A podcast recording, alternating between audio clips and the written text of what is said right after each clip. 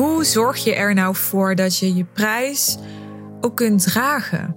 En daarbij maakt het niet uit welk bedrag je vraagt. voor de een is uh, ehm, 10.000 euro een stretch en voor de ander 30.000 en voor de ander 50.000. Het gaat erom dat als je voor het eerst, of misschien al een tijdje, kan ook, een bedrag vraagt dat je spannend vindt om te vragen. Hoe zorg je er dan voor dat je, zodra die klant ja heeft gezegd, ermee om kunt gaan dat die klant ja heeft gezegd tegen dat bedrag en dat jij dus dat bedrag ontvangt? want uh, het gaat uiteraard vaak als we het hebben over hoge prijzen vragen over ja, hoe kom je met de juiste mensen in contact en hoe verkoop je dan zo'n hoge prijs aanbod aan jouw ideale klant. Maar er komt natuurlijk ook nog een heel belangrijk stuk daarna. En dat is uh, hoe lever je? Hoe stel je je op in zo'n samenwerking bij zo'n high-end klant? En dus hoe draag je zo'n prijs en hoe draag je zo'n samenwerking? Om te beginnen denk ik dat het belangrijk is dat je jezelf toestaat om een leerling te blijven. Volgens mij is dat een van de allerbelangrijkste aandachtspunten om je prijs goed te kunnen dragen. En ik noem het bewust aandachtspunt omdat het zo ingaat tegen wat we geneigd zijn te doen. En daarom is het een aandachtspunt en wil je erop focussen om het bewust anders te doen. Want we zijn geneigd ik eh, ben benieuwd of je dit herkent. Om te vinden dat we alles moeten weten, alles moeten kunnen, op alles moeten anticiperen, uh, alles goed moeten doen op het moment dat we heel veel geld vragen. Want tegenover dat bedrag moet wel hele goede kwaliteit staan. En kwaliteit associëren we met ervaring, associëren we met deskundigheid, associëren we met kennis, associëren we met structuur. Dus een klant mag vooral geen rommeltje ervaren. He, mag vooral niet horen dat je het misschien even niet weet. Mag vooral niet merken dat je misschien fouten maakt. Want dat kun je je niet permitteren, want dan is het bedrag dat je vraagt niet meer gerechtvaardigd. Dat is hoe we geneigd zijn te denken. En het helpt niet. Het helpt jou niet. Uh, want jij gaat echt niet beter worden door jezelf meer druk op te leggen. En het helpt jouw klant ook niet. Om meerdere redenen niet. Om te beginnen wil jouw klant uiteindelijk, of dat je nou hem helpt bij zijn of haar gezondheid, of bedrijf, of team, of relaties uiteindelijk wil iedereen zich, zich beter voelen.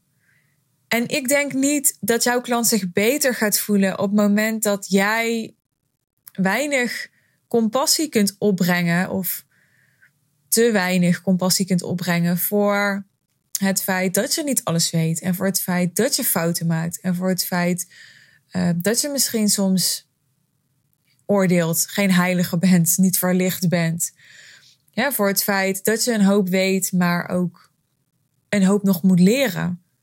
Op het moment dat jij jezelf toestaat om helemaal oké te zijn met wie jij bent als je je allerbest doet, als je alles doet wat op dat moment binnen jouw mogelijkheden en capaciteiten ligt, dan ben je een voorbeeld, een rolmodel en dan geef je je klant een uitnodiging om dat ook zo te mogen doen. En dat is enorm veel waard.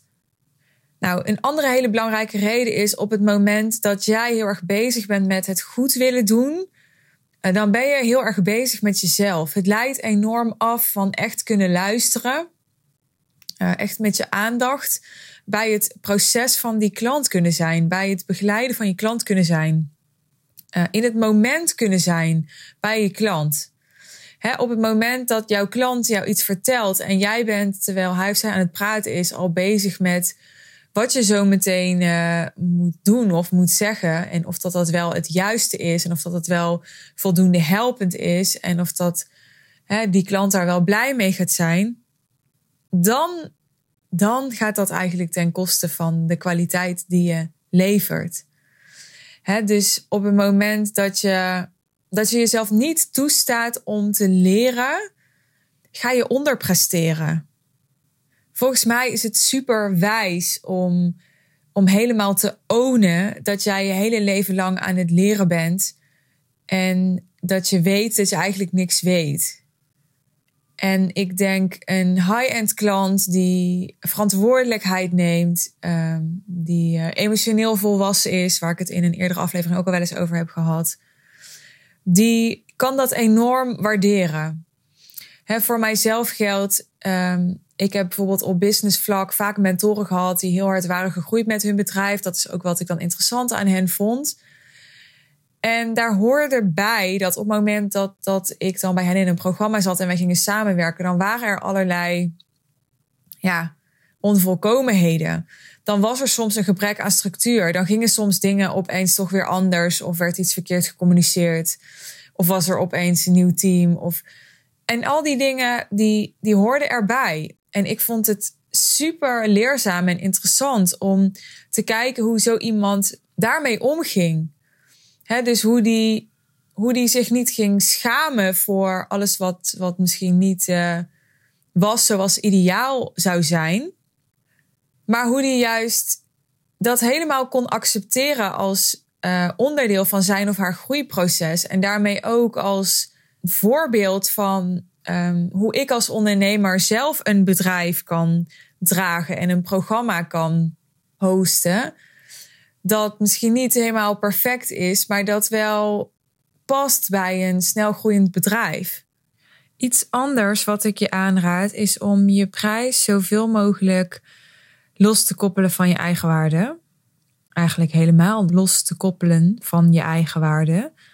Want het is natuurlijk niet zo dat als jij een hogere prijs vraagt en als klanten jou meer gaan betalen, dat jij dan als mens meer waard wordt of zo. Dat staat natuurlijk compleet los van wat dan ook, hè? van de prijs die je vraagt, maar ook van of je überhaupt wel of niet ondernemer bent en van de mate waarop je presteert. Dus hoe meer jij, ook al ben je misschien zelf het instrument om het resultaat te behalen met je klant of om de klant te helpen het resultaat te behalen, hoe meer jij jouw bedrijf en jouw aanbod los kunt zien van jou als mens. Dus onthecht kunt zijn, wat iets anders is dan dat je afstandelijk bent en niet betrokken en emotioneel afwezig. Hè? Dat is niet wat ik bedoel. Wat ik bedoel is dat je zakelijk bent, weet je wel? En, en zakelijk is niet onsympathiek of zo, maar zakelijk is dat je het zakelijk benadert. Ik denk dat dat in het belang is van je klant. Omdat als het niet zakelijk is, dan wordt het een beetje zoals in een vriendschap. En dan gaat het over hoe leuk vind ik jou nog en hoe leuk vind jij mij nog. En, en breng jij nog voldoende toegevoegde waarde in mijn leven. Dat soort dingen. Terwijl als iemand een grote investering doet bij jou, dan uh, wil je dat hij uh, goede resultaten gaat halen en dat hij een, uh, ja, een enorme stap zet of sprong maakt die die, die waarde rechtvaardigt. En als het dan al te veel gaat over sympathie, in plaats van over wat zakelijk is en wat het doel is, dan leidt dat volgens mij heel erg af. Ik noem dat ook wel verborgen agenda's. Als jij in een samenwerking zit en eigenlijk stiekem van je klant de bevestiging wil dat je inderdaad het bedrag dat je vraagt waard bent, dan heb je een soort verborgen agenda tijdens die samenwerking en dat leidt heel erg af. Volgens mij is echt nodig als je op hoog niveau wil werken met klanten en als je veel geld vraagt, dat je zo zuiver en puur mogelijk in een samenwerking kunt zitten. En dat is super kwetsbaar. daar hoort die, die leerlinghouding, waar ik het in het begin van deze aflevering over had, ook bij. En dat is een kwetsbare houding. En kwetsbaarheid vraagt moed. En hoge prijsvragen vraagt ook moed. En daarom doet niet iedereen het. En dat is een mooi bruggetje naar een andere manier waarop je de prijs die je vraagt beter kunt dragen. Namelijk train jouw moedspier. En dan heb ik het natuurlijk over moed met een D. Dus zorg dat je elke keer moedige dingen blijft doen in je leven, jezelf blijft uitdagen. Uh, niet alleen op bijvoorbeeld business vlak, maar uh, stel bijvoorbeeld ook een keer een, een, um, een bepaald hardloopdoel of zo. Ik noem maar even iets. Gewoon om jezelf uit te dagen. Zeker als hardlopen je niet ligt. Nou, ik wil niet zeggen dat je iets moet gaan doen wat je niet ligt. Maar ik bedoel, doe iets wat je van nature eigenlijk nooit zou doen. En wat je doet om jezelf uit te dagen en jezelf te overwinnen. En daarvan je voelt, ja, hier heb ik wel moed voor nodig. En je zult zien, als je dat regelmatig doet, dan word je steeds moediger. En dan krijg je ook steeds meer zelfvertrouwen. En, en die moed en dat zelfvertrouwen, dat zijn enorm, enorm belangrijke ja, kwaliteiten of um, kenmerken, indicatoren die aangeven dat jij dat je de kracht hebt en de veerkracht hebt en, uh, en het vermogen hebt, de draagkracht hebt om een hoge prijs te vragen. Wat ik je verder mee wil geven is iets wat ook kan helpen, namelijk dat je die prijs gewoon enorm gaat relativeren. Ik zeg ook wel eens: op het moment dat jij een hogere prijs vraagt, ga je eigenlijk hetzelfde ondernemerspel gewoon op een wat hoger niveau spelen. Kijk, als je er even wat langer over nadenkt, is het natuurlijk heel gek om ja, je niet heel schuldig te voelen of het niet heel ingewikkeld te vinden als iemand 30 euro bij je investeert en het dat niet waard vindt. Maar als iemand 30.000 euro bij je investeert en hij is dan niet blij, ja, dan, dan ben je opeens een soort evil persoon die je, je klant heeft afgezet of zo. Kijk, dat is natuurlijk eigenlijk heel raar. Hè, want die emotie van die klant is hetzelfde. En nog even los van of dat die emotie over die klant gaat of over jou. Maar de emotie is hetzelfde. Ik snap wel dat die emotie groter is naarmate het bedrag groter is, omdat het waarschijnlijk meer pijn doet. Maar ook dat hoeft niet altijd zo te zijn. Hè? Ik bedoel, voor sommige mensen is 30 euro heel veel en voor andere mensen is 30.000 euro heel weinig. Maar wat ik maar wil zeggen is, op het moment dat jij je met dat hoge bedrag richt op een klant voor wie dat wel misschien een stretch is en wel ongemakkelijk voelt, maar ook gewoon heel haalbaar en realistisch, dan is 30.000 niet zoveel meer dan een ander bedrag. Simpelweg omdat het voor die klant niet zoveel meer is dan een ander bedrag. Snap je? Dus denk gewoon heel strategisch en zakelijk na over dat bedrag. En aan welke klant het passend is om zo'n bedrag te vragen. En zie dan ook dat, dat je, ja, wat eerst 10.000 euro voor je was, nu misschien 100.000 euro voor je is. Hè, dus en de, de principes blijven hetzelfde. Je voelt nu misschien bij die 100.000 euro hetzelfde ongemak als dat je 10.000 euro vroeg een tijd geleden. En die ongemak is hetzelfde. Het getal is alleen wat veranderd. Maar het is maar een getal, snap je? Dus die, die emotie die er omheen zit, die zou er misschien ook wel geweest zijn als het bedrag lager was. Of die zou er misschien ook wel geweest zijn als je niet dat high-end aanbod had aangeboden, maar een meer low-end aanbod had aangeboden. dus geef niet dat hoge bedrag de schuld op het moment dat het niet helemaal gaat zoals je hebt gehoopt, of op het moment dat het resultaat tegenvalt. Want dat is niet fair en daarmee doe je jezelf tekort. Maar ook je klant, hè? Want nogmaals, het doet iets met je klant of dat jij je klant behandelt als iemand die dat bedrag van, nou bijvoorbeeld dus 30.000 euro gewoon kan dragen. Of dat jij zelf op die klant projecteert, dat je die klant enorm benadeelt daarmee. Wat natuurlijk ook belangrijk is, is gewoon ervaring. En dat je al goede resultaten met klanten hebt gehaald die helemaal rechtvaardigen dat je dit vraagt. En waardoor je voor jezelf ook, ja, ook goed kunt uitleggen waarom je dit vraagt. Hè, kijk, dit is een emotioneel proces. Hè. Geld is voor een heel groot deel emotie. Dus het is niet zo dat als je de argumenten klaar hebt om, ehm, om te rechtvaardigen dat je 30.000 euro vraagt, dat je het dan automatisch ook gevoelsmatig kunt dragen. Dat zijn echt twee verschillende dingen. Maar het helpt wel degelijk uh, om steviger in je schoenen te staan als je ervaring hebt, als je goede resultaten hebt behaald, als je fantastische testimonials hebt, um, als er mensen zijn die echt fan van je zijn, je ambassadeur zijn. Dus als je het gevoel hebt dat het op een van deze punten nog ontbreekt, dan ga dat halen. dus als het hem zit in de ervaring, ga die ervaring opdoen. Als het hem zit in de testimonials, ga doorvragen bij klanten naar hun resultaten. En ga, als ze enthousiast zijn, vragen om die testimonials.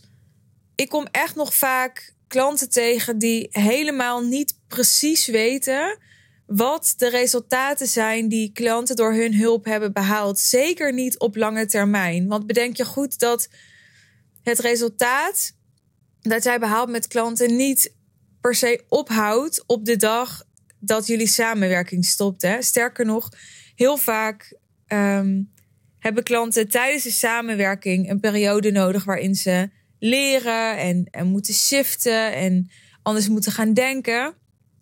En gaan ze nadat jullie uh, samenwerking beëindigd is of jouw begeleiding stopt, pas echt de vruchten plukken van uh, wat jullie samen hebben gedaan.